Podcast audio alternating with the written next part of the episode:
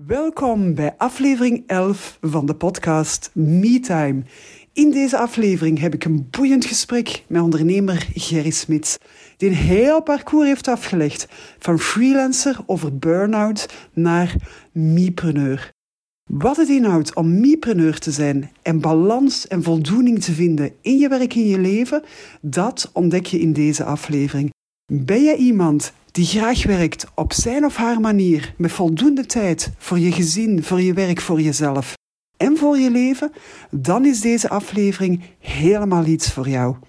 Heel veel luisterplezier.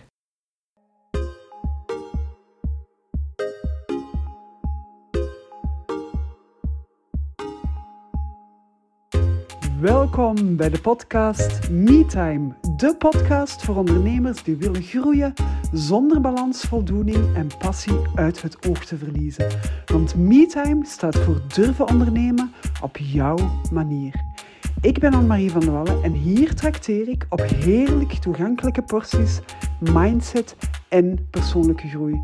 Want MeTime gaat over groeischeuten en groeipijnen en over het soms hobbelige parcours naar groei voor jezelf en voor je zaak. Maar MeTime gaat ook over de vreugdedansjes die je maakt als je niet alleen je resultaten haalt, maar ook voldoening en balans vindt in je werk en in je leven. Kortom, MeTime staat voor durven ondernemen op jouw manier. Met tijd voor jezelf en voor wat jij echt belangrijk vindt. In je werk en in je leven. En dan is het nu tijd voor een heerlijke portie MeTime.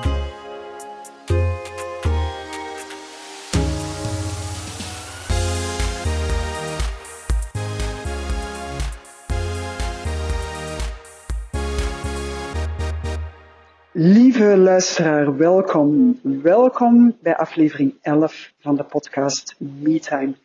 En deze aflevering is voor mij een heel speciale aflevering. Ik ben hier namelijk niet alleen. Ik heb Gerry Smits uitgenodigd. Gerry Smits is iemand die al lang meegaat in mijn leven, waarbij dat meegaat een heel vreemde term is, maar uh, iemand die ik al heel lang ken. Ik denk dat wij teruggaan tot een jaar of 25 geleden. Gerry, welkom vandaag. Als ik naar jouw website kijk, dan lees ik daar, ik help bedrijven op het vlak van innovatie en digitale strategie. Nu, de reden voor dit gesprek is niet zozeer de innovatie of de digitale strategie, maar wel dat jij een freelancer bent vandaag met een boeiend verleden, waarin heel duidelijk een evolutie zichtbaar is in de manier waarop dat je werkt, in de rol die dat je aan jezelf geeft, in je eigen bedrijf of in je eigen business. Freelancer dus een heel duidelijke visie op freelancen, waardoor dat je vandaag ook echt een balans bereikt in werk en leven die heel veel mensen kan inspireren. En zeker het doelpubliek of de luisteraar van deze podcast. We gaan het dus vandaag hebben over onder meer wat dat de trigger was om die focus op veel meer balans te gaan leggen. Wat dat balans ook betekent voor jou, wat dat betekent voor je bedrijf. Waar ga je bewust op letten? Wat is daar belangrijk bij? En daar vul ik dan al eventjes voor u in waarom dat je vandaag ook niet meer zonder die balans kan. Dus Gerry, van harte welkom vandaag in deze aflevering. Joehoe! 45 jaar meegaan, dat klinkt al een beetje belegen. Zo, hè? Ja. ja. dat vond ja. ik ook. Op het moment dat ik het woord uitsprak, dacht ik van, dit klopt niet helemaal. Maar ja, dat is gewoon zo. Als je live opneemt en je zegt van, we gaan er gewoon voor. We're getting old. Ja. nu, dat was vroeger ook al wel, ik wil het niet als excuus gebruiken. Maar om eventjes terug te gaan um, naar vroeger, om te starten met die context van waarom dat ik u vandaag gevraagd heb uw werkritme is ook wel ooit helemaal anders geweest dan dat het vandaag is.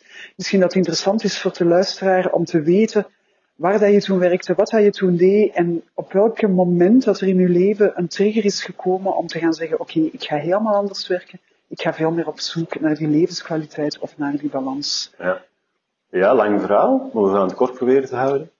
Um, mijn carrière begint eigenlijk in de muziekjournalistiek en media. Ik ben eigenlijk muziekjournalist die op een gegeven moment in Londen gesukkeld is om daar voor een groot mediabedrijf te werken. Ja, en dat was vast in dienst met een hels tempo, zoals de media kan zijn. Een duur ook, uh, ik weet 10, 15 man onder mij als 28, 29-jarige. Ik was daar heel slecht in.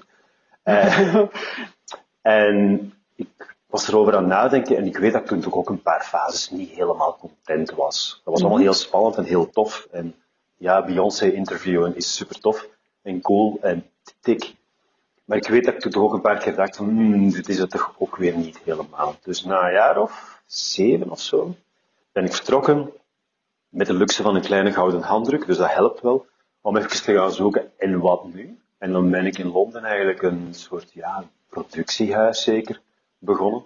Uh, als, ik zou het geen, niet als ondernemer durven zeggen, want dat was het eigenlijk niet. Het was eigenlijk freelance. Het was eigenlijk gewoon iemand die een hoop netwerk, mensen in een netwerk rond zich verzamelde, projectjes begon te zoeken, klanten begon te zoeken. En ik denk dat ik toen eigenlijk al wel door had dat freelance de vorm was. Toen noemde ik mezelf een bedrijf, maar eigenlijk was ik een ja. ook een freelancer. Ja. ja. Dat ging tof. Fijne dingen gedaan, maar dan heb ik mij toch laten verleiden om echt een bedrijf op te starten. Dat was Raak, een, een soort digitaal strategie agency. En dat was niet tof. ik merkte na een paar jaar dat ik eigenlijk helemaal niet verantwoordelijkheid wou hebben om mensen op de payroll te hebben. Oké. Uh, het was niet zozeer de druk van projecten, wat dat was er soms ook wel, maar het was ook een soort van nee, ik ben geen ondernemer. Toch niet in die zin. Geen ondernemer met een team, hè? want ja. ik zie jou vandaag wel als een ondernemer. Ja, maar dat heb ik pas achteraf beseft ja. van ik ben wel een ondernemer, maar niet in het zeg maar, groei van mensen en dat, dat ligt mij gewoon ja. niet. En dat is dan wel interessant om te beseffen. Dan heb ik die vreemdste carrière move ever gemaakt. Dan ben ik van Londen verhuisd naar Antwerpen om ambtenaar te worden. Ja. Uh, de stad Antwerpen. Ja, dat is wel een heel mooie titel dat je toen had. Je bedoelt dus de jobtitle? Ja, ja social media manager. Ik ah nee, ik dacht dat de digital strategist Ja, was. wat. Ik ben eigenlijk gekomen in het begin social media manager te worden. Ja. Dat was toen denk ik de eerste social media manager van België of Europa die bij de overheid ging werken. Dat was heel tof. Dat ging snel breder naar digitale strategie. Dat was fantastisch. Maar toen ben ik wel, als je het vroeg van wat was dan een trigger om er echt over na te denken, dat was na een jaar of drie bij een overheid. Het was niet zozeer bij een overheid, want op zich is dat niet anders dan een groot commercieel bedrijf. Maar toen ben ik echt wel tegen het burn-out muurtje gelopen. Ja. Of toch bijna. Het was niet al te zwaar, maar het was toch niet prettig. Ja. En dan, ja, toch even afstand genomen van, huh? hoe komt dat nu? klein coaching trajectje gedaan en dan was het redelijk snel dat die coach zei van, sorry, je bent freelancer. Je bent een freelancer. Oké, okay, je kreeg echt een spiegel. Ja, het was redelijk snel duidelijk van dat is een format van vast in dienst. Met, Zeker in een overheid waar werk nooit af is, waar heel veel verantwoordelijkheid kan opgenomen worden. Dat is allemaal niet zo goed voor mijn persoonlijkheid, blijkt dan. Ja. Dus is freelance en afgebakende trajecten veel beter voor mij. Ja. En dat was inhoudelijk maar dan ook natuurlijk naar workload en, en ja. wat haal je eruit uit werk en wat steek je erin, dat soort het, energiedingen. Daar heb ik dan wel veel uit geleerd. Daarvoor was dat allemaal eerder onbewust zoeken. Daarna is dat wat bewuster geworden. Ja, ik wou net zeggen, is dat dan een, een moment waarop dat je eigenlijk voor jezelf meer rekening bent gaan houden met wie dat je bent als persoon en om dat meer in je werk te brengen? Ja, absoluut. Ja. Daarvoor is dat, ik ben sowieso wel iemand die eigenlijk heel erg op gut feeling gaat. Hè. Ja. Want ik denk eigenlijk dat ik bij dat mediabedrijf in Londen ook twee burn-outs heb gehad. Okay, zonder dat ja. ik het wist. Of toch er heel dichtbij tegen zat, als ik er terug naar ja. Maar gewoon gut feeling. En je bent ook jong op zo'n moment. Ah, als je jong bent, dan, dan kan die energie, dan laat je die terug op. Dan komt die heel vaak als vanzelf terug. Dat is misschien niet voor alle luisteraars zo. Maar dat zeker niet generaliseren, maar ik herken het zelf wel. Dat je momenten zit waar je gewoon denkt van oké, okay, ik werk 60 uur per week, we doen het gewoon. Want het is interessant, het is boeiend, ik leer van alles bij en je haalt energie uit heel veel dingen. Maar je vergeet ook wel dat je misschien op een bepaald moment ook wel op een andere manier dat opladen terug nodig hebt. Ja, dat ging dan vooral denk ik over de vorm van het werk. Inhoud is altijd boeiend geweest. Ik heb me altijd een luxe in kunnen permitteren om met boeiende dingen bezig te houden. Maar het gaat over, ja, wat krijg je gedaan? Wat moet er, management is voor mij iets van, ik ben daar niet goed in, dat Ja. sukt energie. Ja, Ik kan coachen, maar ik kan geen Ja. people managen in de traditionele zin ja van dat is ook niet hetzelfde, hè? managen of coachen. Coachen gaat, gaat erover iemand te begeleiden om het te doen. Managen is bijna zeggen wat ze moeten doen. Dus het, Voilà. is helemaal anders qua insteek. En ik heb dan geleerd dat ik daar heel slecht in ben. Ja. En dus heel veel energie aan verlies. Maar toen deed ik dat op, ja, op energie en op jeugd. En je gaat daardoor en whatever. Ik voel me wel minder, maar het komt wel in orde. En dat was ook zo. Dat was ook allemaal niet dramatisch. Maar en cours de route leer je wel van, daar bewuster naar. En dat was Ja. de vraag van, kijken van, oké, het is gewoon één boekje, ik kan de naam niet meer herinneren, dat onze gezamenlijke huisarts er ooit mij gegeven ja, heeft. ja, ja. ja. Ehm, zei van, je moet dit eens lezen. En toen had ik wel zoiets van, oh shit, het is echt een spiegel dat ik aan het lezen ben. Een aantal persoonlijkheidskenmerken die naar boven komen, die, die heel kwetsbaar maken op vlak van burn Het was een boekje dat ging, oké, het was een boekje dat ging over. Ja. En, ja. Ja, en het was niet zozeer hard werken dat voor mij het probleem was. Ik heb ook niet het gevoel dat hard werken noodzakelijk slecht is, maar Nee, gewoon ja. op de foute dingen focussen. Ja. Geen grenzen afbakenen Ja, in relatie tot die persoonlijkheidskenmerken. ja, Dan heb ik dan wel geleerd van, ah, ik zit zo ineen, dus daar moet ik dan wel rekening mee houden. ja. En dat ben je dan op dat moment ehm, heel bewust gaan doen. Je hebt je klein coachingstraject en dan ga je verder. Ja, en dan zijn er zo'n heel simpele dingen als schrijf eens een recept voor eh, de shitste dag van uw leven, achtige dingen, of hoe, wat is een slechte job of een slecht project. Dat helpt wel met het visualiseren Ja. van, daar moet ik voor oppassen. Dat zijn Ja. ja, simpele dingen. Maar voor, voor mij hebben die heel erg gewerkt. Ja. Als ik dat begin te zien, of ik begin dat soort dingen te voelen, dan moet ik toch weer wel oppassen, want dan klopt het niet. Dus eigenlijk ben je veel meer gaan jezelf oefenen in het kristalliseren van informatie rond je grenzen. Of je Ja, dat klinkt heel persoonlijkheid. Of, ja, nee, vaak is dat niet zo, hè? maar, maar het, het Ja. helpt misschien wel voor luisteraars om, om dat toch net iets scherper te stellen. Hè, want waar gaat het dan over? Het gaat erover dat je eigenlijk gaat kijken van, is er een match tussen mezelf en de opdrachten en het werk dat ik doe? En waar liggen de momenten waarop dat ik kan voelen dat die match er niet is en dat er Ja. dus energie wordt weggetrokken? Ja. ja, en voor mij was het dan bijvoorbeeld eh gaan kijken, wat zijn dan de momenten in een traject waar je het niet tof vindt, waar je, geen, waar je zenuwachtig van wordt, dat soort Ja. dingen. Dat beginnen Ja. te herkennen van, ah ja, dus dat is een traject. Of ik ben, ik ben iemand die, een freelancer die van heel korte projecten leeft, vaak keynote speeches, Ja. kleine workshops, lange termijnstrajecten. Minder en minder, omdat ik geleerd heb dat daar momenten in zijn waar ik niet goed in ben. Ja, Waar ik ook geen meerwaarde bied voor Ja. klant. Dus een Ja. klant komt vragen, kunnen we niet lange termijn, dan zeg goed voor jouw project of niet voor Nee, jouw bedrijf. Ja, ja, en dat is gewoon ook je sterkte niet. Dat is niet waar dat je je als een vis in het Nee. water voelt. En hoe langer dat je werkt, hoe meer dat je ook ontdekt van als ik me als de vis in het water voel, dat kan ook gewoon daar de meerwaarde zijn juist voor mijn klanten. Je haalt het al een beetje aan. Het is wel zo, en dat was mijn moeilijkste stuk van, ah, die coach had dat, we hadden daar rap door, ah, freelance is de vorm. Maar de eerste reactie was wel, oh shit, ik heb dat al gedaan. Dat is niet zo makkelijk. En Ja. zeker niet in de business van digitale strategie. Ja, Je moet echt wel gaan marktonderzoekje gaan doen van wie heeft dat nodig en wat mag dat kosten Ja. en hoe zet je jezelf in de markt. En dat heeft echt wel een paar jaar geduurd. Ja, ja, het er wel eens over gehad. Drie jaar duurt dat eigenlijk wel, om te zeggen. ja, En dan moeten we wel gaan kijken van, ah, consultancy is het precies toch niet, terwijl dat je dan, dan heel automatisch inrolt en dan merk je van, dat is het niet. ja. Ah, damn, wat dan wel? Dus dat is wel zoeken. ja, en heb je dan het gevoel dat je je eigen recept aan het maken bent van hoe, hoe de mix voor jou werkt? Tussen klant, wie dat je bent als persoon, type werk dat je doet. En daarnaast ook natuurlijk je, je eigen leven en je persoonlijke... eh, het is grappig omdat jij begon al met het redelijk positief. Van ja, je hebt de balans gevonden. Andere vrienden zeggen ook van, maar je hebt het wel goed voor elkaar. Hè? En dat is, van op een afstand is dat ook wel. Je hebt in ieder geval een manier gevonden die inspirerend werkt voor mensen. Ik denk, ik denk dat we het daar wel, wel Ja. kunnen over zijn. Je bent gaan zoeken, je hebt stappen Ja. gezet, veel stappen gezet die heel veel mensen nog niet hebben gezet. En, en waardoor dat je wel een, een soort van voorbeeld denk- bent daarin. Ja, ja, dank u. maar ja, waarschijnlijk. Ik denk dat het nu wel redelijk goed zit, of momenteel goed zit. En dat is gewoon weten waar je goed in bent. Geen rare salespraatjes proberen te verkopen, zodat je niet foute mensen, foute klanten krijgt. En dan, ik heb het geluk gehad op een gegeven moment, geluk, dat was geen geluk, dat was ook een soort semi-bewuste keuze om een boek te schrijven over een topic, daar een expert in te worden, aanhalingstekens, en daardoor in een lezingscircuit te Ja. sukkelen, wat ik heel tof vind. Ja. Ik geef graag keynote speeches of doe graag presentaties.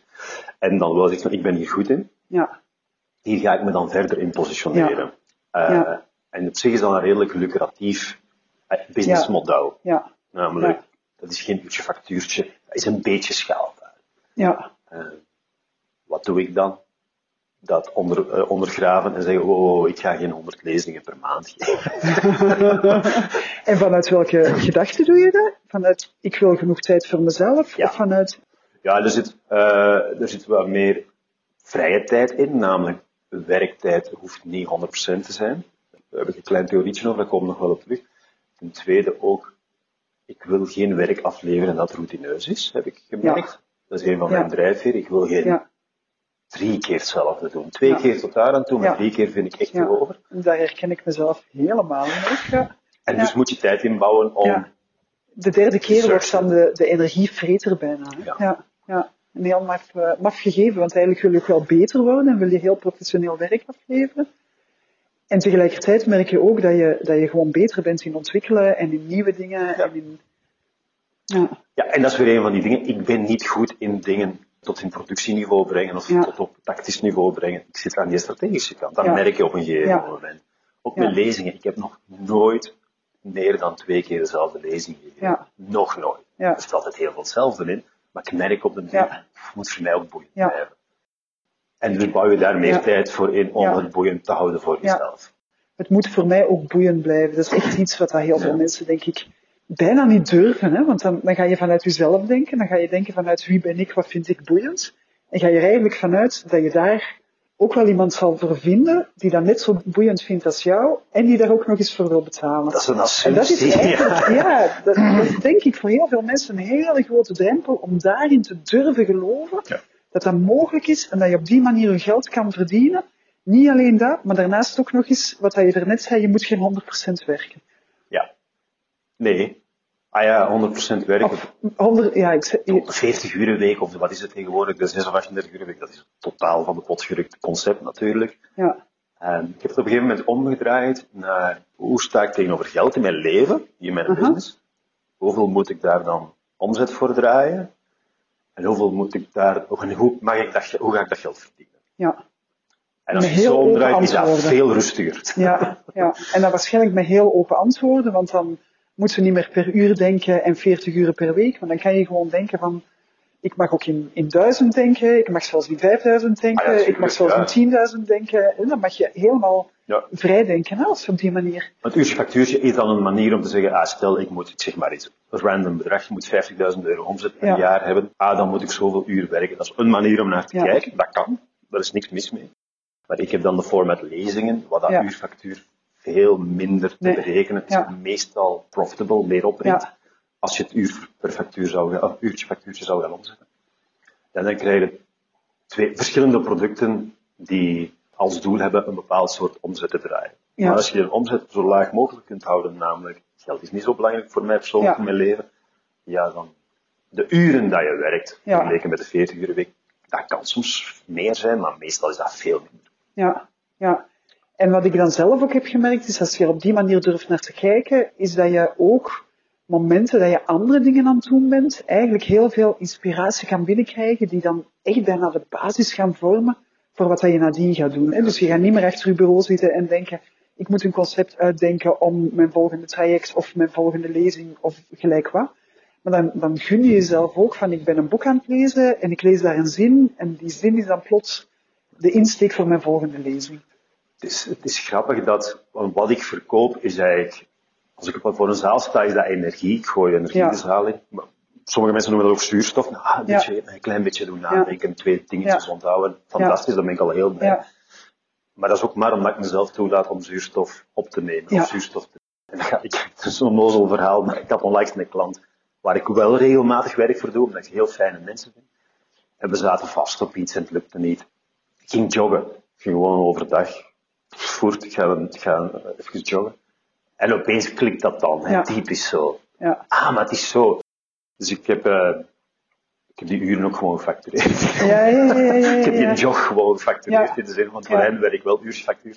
ja, Gewoon, ja, dit was het moment. En omdat het heel moeilijk is om dat soort inspiratiemomenten een uurtje factuurtje te Ja. gooien. Ja. Maar die dingen, punt is, die zuurstofmomenten heb je gewoon nodig. Die heb je echt gewoon nodig. in dit soort zelfs, ja, en is, ja, in dit soort werk. En, en het is zelfs zo dat dat wetenschappelijk ook gewoon bewezen is. Hè? Dat dat de momenten zijn dat je brein ontspant. Dat er die nieuwe connecties gevormd kunnen worden. En dat niet is op het moment dat je in die snelweg zit die dat je altijd pakt. Elke keer opnieuw dat je dan die inspiratie te pakken krijgt. En het is ook wel, en ik denk dat dat, ik bedoel, wij doen gelijkaardige dingen, Annemarie, wij hebben gelijkaardige profielen, maar ik denk dat dat, voor, dat, dat te abstraheren is voor iedereen wel, namelijk dat je, dat je uitzoomt en merkt, ah, daar ben ik goed in. Je er dan per definitie van uitgaan dat een hele hoop mensen daar niet in goed zijn. en dat leer je door de jaren heen. Ik heb dat pas bewust beginnen beseffen rond mijn 45. Ik ben nog steeds verrast van dat mensen zeggen van, oh, wauw, wauw, hoe doe je dat? ik weet niet, gewoon mezelf zijn. Ja. Maar hoe sneller dat je dat kan proberen te identificeren in je Ja. carrière, hoe makkelijker het wel is om die Ja. balans te vinden. Dus Ja. waar ben ik goed in, waar is er een markt voor, waar betalen mensen voor, waar krijg ik energie van. Ja. Ja, en dat is, dat is heel vaak de dingen die voor jezelf vanzelfsprekend zijn, maar het voor anderen niet zijn, daar vind je heel vaak die, die ja, het, het goud wordt dat vaak genoemd. Hè? Die combinatie van, hier ben ik goed in, dat gaat bijna vanzelf, maar het heeft een enorme meerwaarde voor andere mensen, want het is een manier van kijken, een manier van denken, een manier van doen, die anderen minder vanzelfsprekend vinden, maar die juist die, die voor hen die zuurstof oplevert in wat dat zij aan het doen zijn. Maar dat kan ook over meer pragmatische dingen Ja. gaan, zoals een goede project manager Ja, zijn. dat denk ik ook. Ook. Ja. Namelijk, Ja. ik ben daar niet goed in. Nee. Ik heb dat wel heel vaak moeten doen. Ik heb gemerkt, ik word daar zeer ongelukkig van. Ik vind project managers die dat wel Absoluut. met een soort flair en elegance Ja. doen, vind ik Ja. fantastisch. Dus ook dat is gewoon, ah, maar is dat niet normaal dat je Ja. project kan managen? Nee, dat is niet normaal. Nee, ja. Maar inderdaad ook, hè, de rol die dat je zelf opneemt, als we het dan bijvoorbeeld hebben over mensen die een bedrijf hebben, een team leiden. Je kan om een team te leiden ook verschillende rollen gaan opnemen en mensen in je team stukken laten gaan aanvullen waar dat jij zelf minder goed in bent. We hebben nog dat klassieke beeld van de manager moet het werk verdelen en moet, moet ervoor zorgen dat iedereen iets te doen heeft. Maar eigenlijk zou je als manager ook net zo goed meer visionair kunnen worden. Die zegt van daar en daar en daar gaan we naartoe met dit team. En, en je laat iemand uit je team eigenlijk een beetje uplevelen naar die, die managerrol en daar effectief ook gaan, um, die rol gaan laten innemen. Dat je voelt dat je daar zelf minder goed in bent. Want bij ons gaat het gesprek nu heel erg over, ja, we werken allebei redelijk freelance-matig op dit moment. We hebben allebei het gevoel van, oké, manager zijn is niks voor ons. Maar als er mensen naar deze podcast luisteren, het is effectief wel een concept dat je kan vertalen naar mensen die een team leiden, die met grotere, um, grotere teams werken, die met projecten werken, die op een andere manier werken. Ik ben er echt zelf van overtuigd en je mag me tegenspreken als je het gevoel hebt dat dat niet zo is, maar dat je eigenlijk in elke positie waarin dat je zit, kan op zoek gaan naar hoe werkt dit voor mij het beste, op welke manier kan ik hier het meeste energie uithalen en hoe kan ik mezelf met mijn team zo gaan organiseren dat eigenlijk iedereen zoveel mogelijk op die posities zit, waarin dat ze voelen van dit komt overeen met mijn persoonlijkheid, dit komt overeen met mijn energie, dit komt overeen met wat ik vanzelfsprekend gemakkelijk doe, maar dat er wel een bepaalde openheid van denken voor nodig is, die ook toelaat vanzelf atypische posities in te nemen. Ja. Ja, ik ben niet de expert in managementboeken lezen. Allemaal veel te traag. Maar ik was aan het denken toen je de vraag stelde van de beste managers die ik gehad heb, waren toch eerder aan de coachingkant. hè. Dus Ja. Toch eerder namelijk, uit twee dingen namelijk. Ervoor zorgen dat je het beste uit mensen kunt halen. Ja, Dan moeten mensen zichzelf leren kennen. Ja. Ik heb een kameraad die daar heel erg mee bezig is, een ondernemer van een bedrijf van 100 man, en die zegt, ik wil gewoon dat mensen zichzelf goed leren kennen en dan pikken we het beste eruit. Ja. Eén ding. Tweede was het idee van de beste managers die ik gehad heb, die laatste mensen in hun team die beter waren dan hen op heel veel. ja, ja, ja, ja. En daar zou ik dan nog bij aanvullen als derde gegeven. Een goede manager zorgt er eigenlijk echt voor dat mensen in zijn team in die omgeving zitten waar dat ze volledig tot hun recht kunnen komen. Die, die zorgt er bijvoorbeeld, als jij tekenaar bent en je hebt de beste computer nodig om dat te kunnen doen, dat die beste computer die jij nodig hebt om dat te kunnen doen, dat die er staat.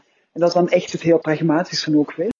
Ja, um, we hadden het onlangs ook, ook erover dat je een bepaald moment ook bezig was met het concept van mipreneur. Want ik zei er straks al van, ik zie al ook wel echt meer als een ondernemer die dan toevallig wel dat doet in de vorm als freelancer. Maar je bent er toch ook bewust mee bezig met de manier waarop dat je zelf dan als ondernemer werkt. Ja, ik ben niet het soort freelancer, zo, ik zeg dat wel vaak, ik ben de gun for hire. Uh, je kan me van alles inschakelen, dat is op zich wel. Maar ik kijk het toch eerder als mezelf als een soort niet schaalbaar bedrijfje. Niet schaalbaar Ja. in de zin van ik ben wie ik ben en ik heb maar zoveel hersencapaciteit en dat is, dat is wat ik verkoop.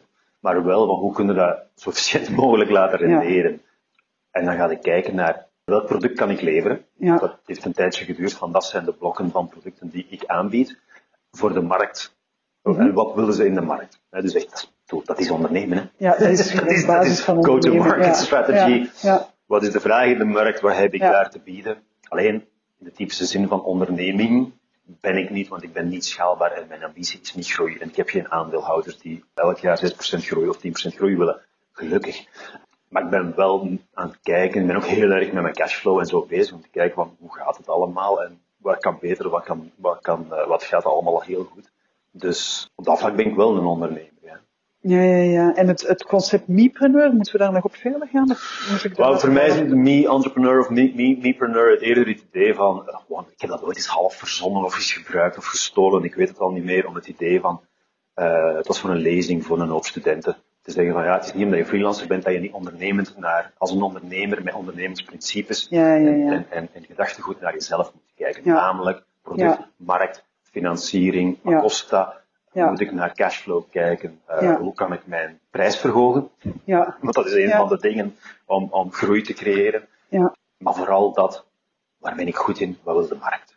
Ja, ja, ja. Dat die, dat die connectie er is. Hè. Daar, daar komt het uiteindelijk ook op neer. Hè. Als je iemand hebt die prijs wil betalen voor wat hij je te bieden hebt. En dan mag die prijs, we hebben ze heel eventjes aangehaakt, maar dan mag die prijs ook gewoon zo hoog zijn als dat de waarde is en hoeft dat niet per se de prijs te zijn. Hè. Prijs en waarde zijn twee verschillende concepten. Hè. Dus, uh... Tuurlijk, ik heb ooit, ik heb me daar ook soms wel aan gefrustreerd aan het idee van, ah, ik ben een consultant of ik ga workshops geven. Ah, wat kost dat dan?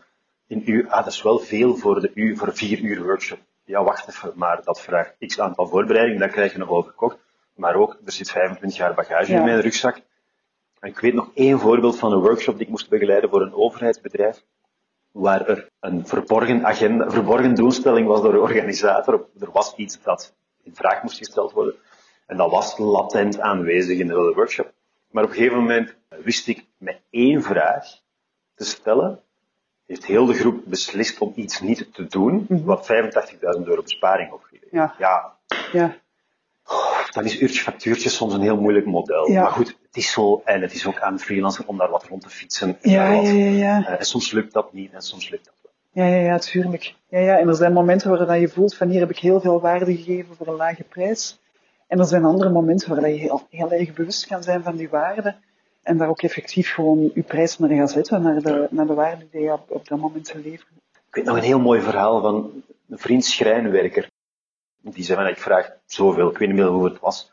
Ik weet niet of het goed is. Ik zei van, ja, misschien moet je gewoon elke zes maanden, of om de zoveel offertes, prijzen proberen te verhogen met 5%. Ja. Dus kijk of je meer afzeggingen krijgt in plaats van ja. de prijs. En zo vind je je marktprijs wel. Ik weet niet of het het gedaan heeft, maar ik vond het nogal goed van mezelf.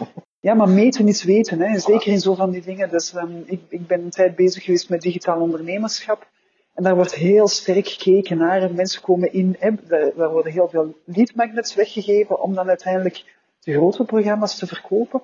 En daar wordt heel sterk de nadruk gelegd op van kijk eens van um, op het ogenblik dat mensen intekenen hoeveel procent. En dat ze dan doorgaan van het intekenen naar de lead magnet en hoeveel klikken daardoor en hoeveel klikken daardoor.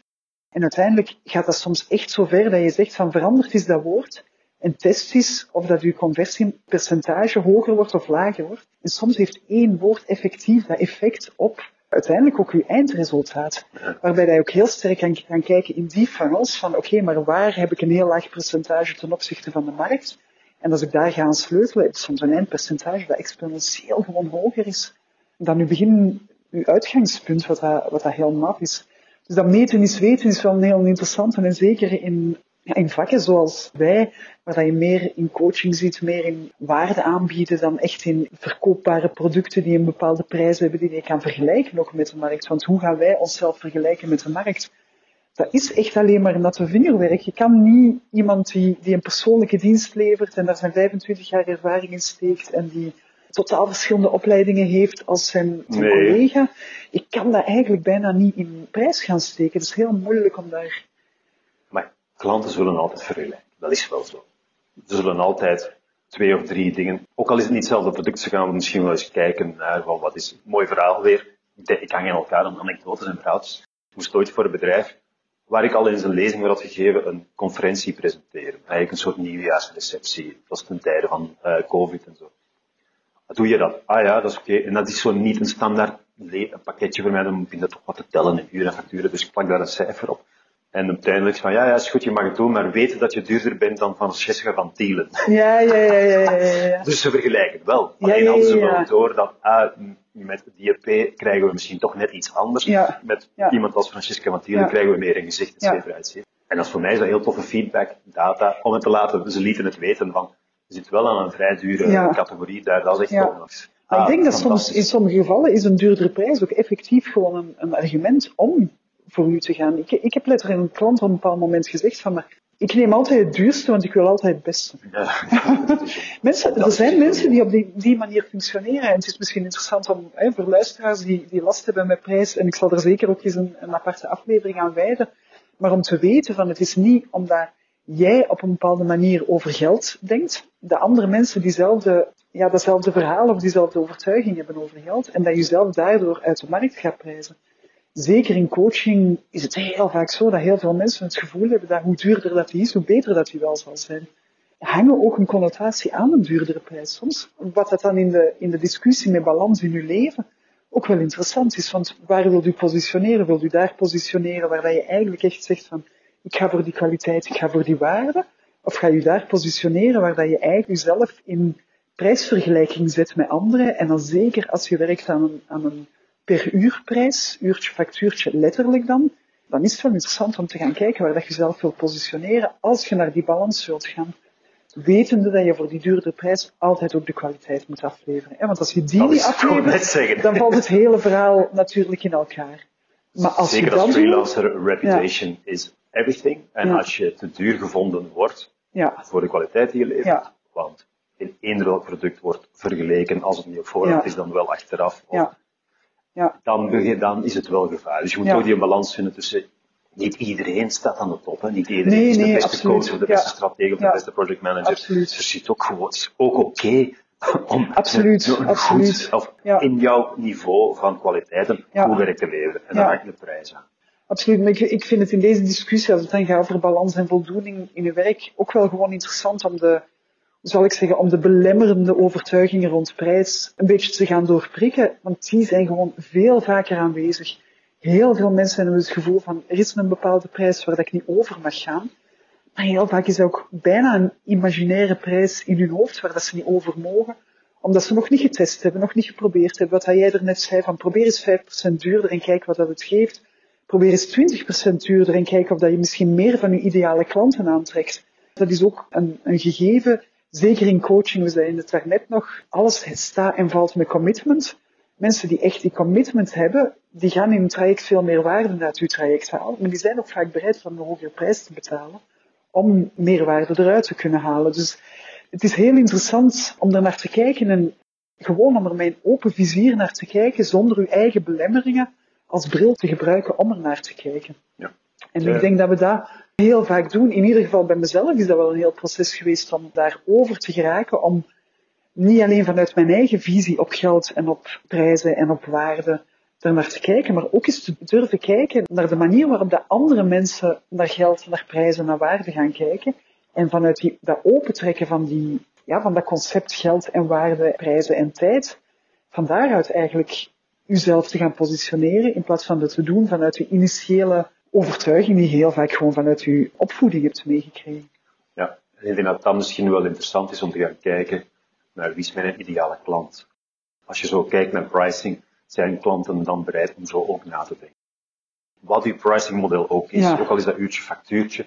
Ja, Dus de overheden zijn bijvoorbeeld heel gevoelig aan Ja, bepaalde prijzen, eh, ja. prijzen. Dus die gaan heel vaak vergelijken, maar ook bepaalde ondernemers die eerder misschien ook in de service-industrie zitten, die vaak ook het uurtje factuurtje Ja. model kennen, gaan dan ook eerder daar tegenover afwegen. Dus alle heeft allemaal invloed op elkaar. En het een is niet beter Absoluut. dan het andere. Maar zo ga je wel je, je ideale klanten proberen Ja. te vinden.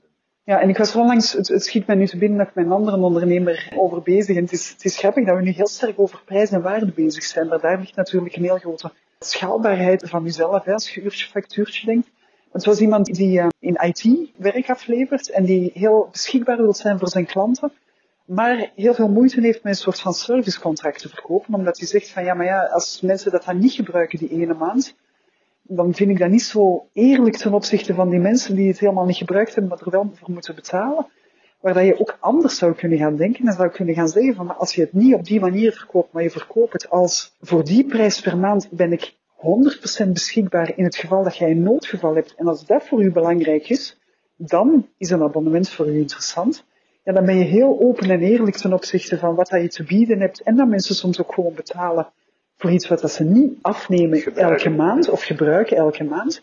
maar wel die zekerheid en die rust in hun hoofd hebben, doordat jij hen die abonnementsformule verkoopt. Dus soms, soms heeft het er gewoon mee te maken dat je eventjes anders kijkt naar hoe Ja. dat je dienst aflevert, om wel die rust en die balans te kunnen vinden in, in bepaalde prijzen of in bepaalde tijdsconnotaties of concepten. Of, Het is grappig dat je dat zegt. En er is in marketing innovaties een heel boeiende methodologie, Jobs to be done. En die gaat er eigenlijk over welk probleem dat je opnoemt. Heel simpel gezegd. Je koopt geen hotel, of je, gaat, je boekt geen hotel om te slapen, noodzakelijk, maar er zitten allerlei andere emotionele en sociale eh, drijfveren achter. Dat is net hetzelfde met dat voorbeeld wat je zegt. Die IT'er, die koopt geen tijd van jou, die koopt beschikbaarheid in het geval Ja. van. En als je dat Ja. begint te snappen Ja. van wat, wat willen ze hier nu eigenlijk, dan kan je je product, pricing, et cetera, er allemaal op aanpassen. Als het past met wat dat jij te bieden hebt. Hè. als het past met wat jij te bieden hebt, opnieuw die kwaliteit, als het past met wat dat je klant wil, als je er duidelijk over communiceert, als het helder is waar, waar het over gaat en welk, welk probleem dat je oplost. hè. En ik heb ook wel eens klanten gehad, als je dan kijkt naar van waar krijg je er niet zoveel energie van, is dat je iets verkoopt aan klanten, maar dat je eigenlijk iets te hard pusht om in een bepaalde Ja. methodologie mee te gaan. They sign off en het budget is allemaal geen probleem, maar dat je halverwege het project wel vindt van oei, ik denk dat ze het niet helemaal goed gesnapt hebben, of ik ben iets te pushy geweest in mijn eigenzinnige manieren. En dan merk je dat het wel zo, ah, oké, wat water bij de wijn, Ja. anders gaan we er niet uit. Die gaan Nee, niet ja, absoluut. En, en Eh. wat we hier aan het bespreken zijn, is ook, ook wel voor een stukje ideale wereld en die dingen, maar, maar heel vaak helpt het om vanuit een zwart-wit denken uit te geraken, om naar die ideale wereld te gaan, om het dan nadien echt terug te gaan trekken in de dagelijkse praktijk. Net zoals dat jij ook zegt van oké, heel veel van de beslissingen die je hebt genomen om meer met voldoening en met meer balans en met meer levenskwaliteit te ondernemen, zijn ook gewoon en cours de route een stukje gegroeid en waren niet op dat moment echte concepten, echte bewuste beslissingen, maar wel door er bewust mee om te gaan, ben ik wel meer en meer gaan werken, beetje bij beetje, op welke manier dat ik daar nog verder wil in groeien, kan in groeien en daarin verder kan gaan. En dan stofferen al die bedenkingen, stofferen dan eigenlijk gewoon je traject dat je aan het lopen bent, um, waarop dat je wel een doel voor ogen hebt. Ja, ik denk dat, jij noemt het nu een doel, bij mij was het eerder een, Een antidoel. Een antidoel, denk ik. Niet zo. Ja. Maar wat dan wel, en dat Ja. vind je dan wel Ja. uit. En het idee van, ah, nu in balans, ja, dat is ook maar zo de laatste maanden dat je beseft van, maar het zit wel oké, het zit wel oké. Ja. Ja. Qua juiste klanten, juiste hoeveelheid klanten, eh, juiste bedragen. Het klopt, Ja. klopt momenteel wel. Ja. Maar goed. Ja, en dan wordt het opnieuw sleutelen en bijsturen. En, maar dat is, dat is dan ook weer het ondernemerschap. Hè. Voilà. Dat, dat is dan weer het leuke eraan, dat je daar ook gewoon mee bezig blijft. En ik weet in uw geval en in mijn geval dat we ook gewoon mensen zijn die blijven zoeken. We zijn echte zoekers. We hebben goesting om, om verder te ontwikkelen, meer te leren, meer te weten, nieuwe dingen te ontdekken. En dat maakt ook gewoon deel uit van uw, van uw eh, ja, ondernemerstocht, als ik het dan zo eh, ja. ja, blijft fluffy, wel mag, eh, fluffy mag zeggen. fluffy in de zin van een beetje naar jezelf kijken en afstand nemen, dat is niet, dat zit niet standaard in onze default setting in. Dat moet een beetje oefenen Ja. om dat te doen. Ja. En dat is, maar het helpt. Het helpt Het helpt enorm, ja. om een beetje afstand te nemen. Al dan niet geholpen door coaches of god weet Ja. allemaal, kan enorm helpen om zo, Ja, ah ja, ik ben nu dit weer aan het doen, damn. Of, Ja. ah, ik voel weer dit, ik Ja. moet oppassen met die klant. Ze, ze willen met mij werken, maar ik weet niet of het nu zo'n goed idee is. Ja. Voor mij niet, en dus ook niet voor hem. Heb jij voor jezelf daar zo alarmsignalen of triggers waarvan Ja. je voelt die je echt kan gaan benoemen? Van dat is een knipperlicht, dan moet ik beginnen opletten? Of... Ehm, ja, als ik te hard begin te na te denken, als ik voorstellen binnenkrijg, ja, ik wil, wil de pitchen is een tijd geweest, ik wil geen voorstel maken voor dit of dat. En ik begin ineens al momenten te zien van, oei, daar kan het echt wel beginnen misgaan. Oké, Want ja. ik ga ze moeten overtuigen om op een bepaalde manier te werken. Er zijn er twee mogelijkheden, of drie mogelijkheden. Je doet het en je probeert ze toch te overtuigen. Of je gaat keihard gewoon vanuit je eigen sterkte uit en als ze het kopen, dan maak het heel duidelijk van we doen het op deze manier. Eh, Ja. eh, wat ik ook nu Ja. meer en meer doe, van ja, nee, Toch dat niet is doen, ja. ik heb al redelijk veel mensen die bellen. Zeg, eh, gaan we niet samen een voorstel maken? Of dat is misschien iets voor u. Ja. Nee, dank ja. En dat is omdat je het eigenlijk duidelijker en duidelijker hebt Ja. gekregen waar dat je goed in bent, waar dat je kwaliteiten zitten, waar dat jij energie uithaalt. En dus eigenlijk omdat je, je zoektocht begint echt op te leveren waarschijnlijk. Hè? Mag ik dat zo, eh Ja. zo benoemen? Want het idee van je hebt al vijf keer een foutrecht gedaan en je weet exact op dat moment in die fase gaat er vanuit management bijvoorbeeld, Ja. gaat er gezeurd worden over dit of dat. Dat is ervaring. Denk van, Ja. is er daar kans voor? Ja. Vind ik dat dan erg of niet? Ja, als ik het wel erg vind, moet ik het misschien niet doen. Ja, ja, Bijvoorbeeld, dat soort signalen. Ja. Het is ervaring gecombineerd met buikgevoel. ja, ja, ja. Ja, ja, buikgevoel waar je op een bepaald moment ook heel bewust bent naar gaan kijken. hè. Gewoon, we laten toe. Ja. Ja. Ik denk dat dat best advies was van mijn coach. Jij moet meer vertrouwen op je buik. Ja, ja. Ah ja, dank. En het woord vertrouwen zit ook in die zin. Hè? Laat, laat, het, laat het maar gebeuren, luisteren naar. En Ja. En het is ook gewoon niet erg om eens tegen de grond te gaan en, eh, en terug recht te staan. Hè. Daar leer je heel vaak heel veel uit, heel veel helderheid, heel veel... Ik zou zelfs Inzicht. meer zeggen. Ik zou, ik zou niet zeggen dat je bewust naar fouten op zoek moet gaan, maar soms moeten we wel durven. Er is zo een, een, een innovatiemodel van eh, wat is de return on investment van bepaalde dingen.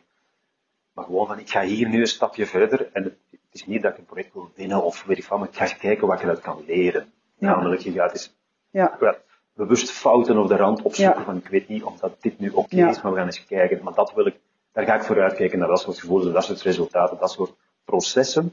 En dan dat werkte niet. ja, En dan heb je keihard geleerd. ja, ja, ja, ja. En nu de klant aan het begeleiden, die naar een soort nieuw concept bezig was, een nieuw businessmodel, een nieuw, eigenlijk een heel nieuw business aan het opstarten is. En we zijn nu aan het voelen dat het misschien toch niks voor hem is. Ik heb hem onlangs zo gezegd, dat is toch een fantastische investering dat je gedaan hebt. Ja, Want je bent er nu ja, misschien geen paar honderdduizend euro aan het insteken. Ja. Goed gedaan. ja, ja, en je weet veel scherper wat je dan wel wilt. En daarmee sluiten we misschien aan bij, ik ga stilaan afronden bij een laatste vraag die ik altijd heb in mijn podcast, als ik mensen interview. Gerry, heb jij een ultieme tip voor de luisteraar? Een credo, een levensles die u altijd begeleidt, waar je altijd op terugvalt en die je, die je kan meegeven? Goh, we hebben het al over veel dingen gehad. Hè. Ik denk dat het uiteindelijk wel gewoon neerkomt op probeer heel goed te definiëren waar je, waar je goed in bent. Waar is er een markt voor? Waar, waar kan ik voor betaald worden? Waar krijg ik energie van? En dan het vierde is, wat goed voor de wereld? En dat het niet enkel een puur transactioneel Ja. is van... Ja. Die vier elementen helpen mij onbewust, want ik ben daar niet heel erg mee bezig, maar wel zo van, ja, het is niet omdat je van muziek houdt dat je per se in de muziekindustrie moet gaan Ja. werken. Het is eerder, ik ben een goede boekhouder en ik heb een passie voor muziek, misschien moet ik dan een boekhouder worden in de muziekwereld. Ja. En wat betekent dat voor de rest van de wereld of de industrie? En kan ik Ja. daar geld mee verdienen? En Ja. die vier elementen helpen wel vaak om beslissingen te nemen op dat soort vlak of zo. Ja, omdat je er met die laatste vraag natuurlijk, hoe kan ik dan bijdragen aan meer dan mezelf?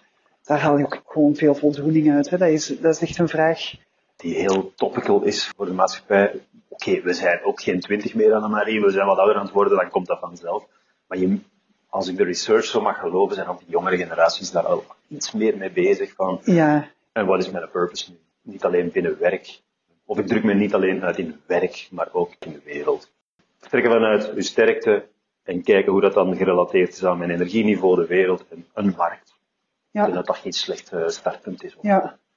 Met andere woorden, ondernemen op jouw manier. Daar komt het eigenlijk op Ja. neer. Met veel me-time voor jezelf binnen en buiten je ondernemerschap. En mijn heel bewuste kijk op wat je aan het doen bent. Echt elke keer terug gaan kijken van hoe ver zit ik hier, ben ik goed bezig. Klopt het wel voor mij? Zijn er alarmsignalen die afgaan? Ernaar luisteren.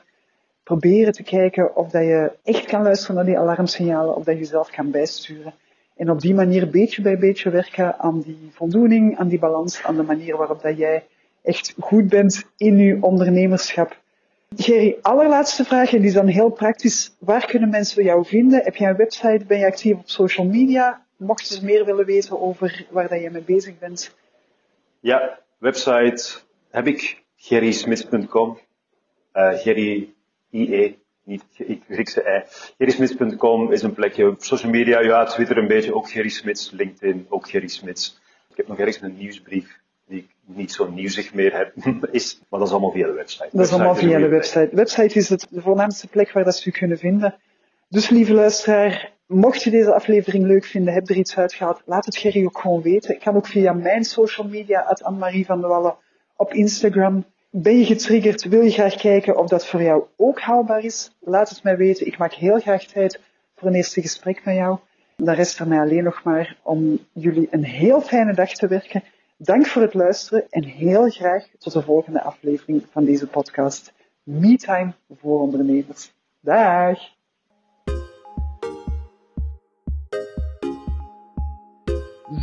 Dit was alweer een heerlijke aflevering van MeTime. Ik hoop dat je er veel aan had, want ik gun het echt elke ondernemer om te ondernemen op zijn manier. Als jij daar ook zo over denkt, dan kan je me helpen om MeTime verder te verspreiden. Stuur de podcastlink in de show notes door naar vrienden, collega's of familie. En als je deze aflevering echt boeiend vond, post dan een enthousiaste review, zodat MeTime nog meer luisteraars bereikt. Is schrijven niet jouw ding? Gewoon 5 sterren geven helpt ook ongelooflijk goed. Of neem een screenshot en deel hem op je Instagram. Als je dat doet, tag me dan met Anne-Marie van de Wallen en ik zorg voor een shout-out. Dit was het voor vandaag.